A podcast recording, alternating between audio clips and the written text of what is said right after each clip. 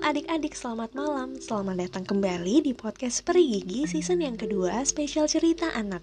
Adik-adik bagaimana hari ini kabarnya? Semoga adik-adik selalu sehat dan tidak kekurangan satu apa pun ya. Jika hari ini ada sesuatu yang belum bisa dikerjakan dengan baik, tidak perlu takut karena hari berikutnya pasti akan bisa melakukan sesuatu dengan lebih baik lagi. Kalau kemarin kita sudah mendengar cerita dari Nana, ada yang masih ingat kemarin apa yang Nana lakukan? Kemarin Nana bercerita tentang dirinya yang sudah bisa makan sendiri. Sekarang kita akan mendengar cerita dari teman yang lain nih. Namanya Raffi adik-adik. Nah, Raffi sudah bisa mandi sendiri loh adik-adik. Di sini adik-adik apakah sudah bisa mandi sendiri semuanya? Hmm, kalau begitu kita langsung dengar saja ya ceritanya dari Raffi. Musim hujan datang. Raffi suka sekali dengan hujan. Hujan membuat hawa jadi sejuk dan membuat lapangan jadi becek. Uhuy, pekik Raffi dan teman-teman. Mereka sedang asik bermain bola. Ya ampun, Raffi kotor sekali. Bunda geleng-geleng kepala melihat Raffi. Lekas mandi. Raffi menurut, ia bersiap mandi. Diambilnya handuk, lalu digantung di gantungan pakaian kotor dimasukkan ke dalam keranjang.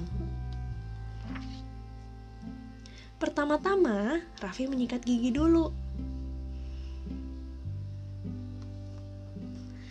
Setelah itu, Raffi mengguyur badan, juga kepalanya. Badan Raffi basah semua, siap disabuni. Ia ambil sabun secukupnya. Kata bunda, terlalu banyak sabun bisa membuat lantai kamar mandi menjadi licin. Nah, itu berbahaya ya.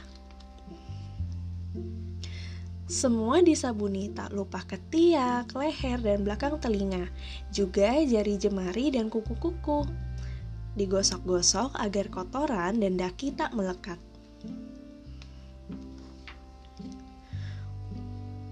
Uh, susah, gerutu Raffi saat hendak menyabuni punggung. Tapi kalau nggak kusabuni nanti punggungku gatal-gatal. Hi, kata Raffi. Sekarang saatnya keramas. Sampo dituang secukupnya di telapak tangan, lalu diusap dan digosok-gosok di kepala rambut Raffi. Dan sekarang rambut Raffi jadi penuh busa. Hmm, wangi harum samponya. Waktunya membilas, guyur air dari kepala, busa sampo dan sabun bersih semua.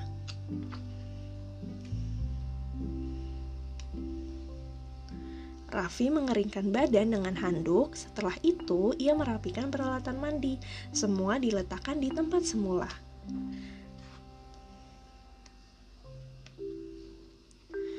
Wah, anak bunda pintar mandi sendiri. Hmm, segar dan wangi, puji bunda. Selesai. Serunya ya mendengar cerita dari Raffi yang sekarang uh, bisa mandi sendiri. Uh, untuk adik-adik yang belum bisa mandi sendiri, yuk mulai dari sekarang kita biasakan untuk bisa mandi sendiri ya mulai dari gosok gigi setelah itu menyabun badan uh, kemudian keramas dengan bersih nah ketika membasuh badan, jangan lupa jari jemari dan juga kuku-kuku juga dibersihkan ya di belakang telinga juga supaya tidak kotor.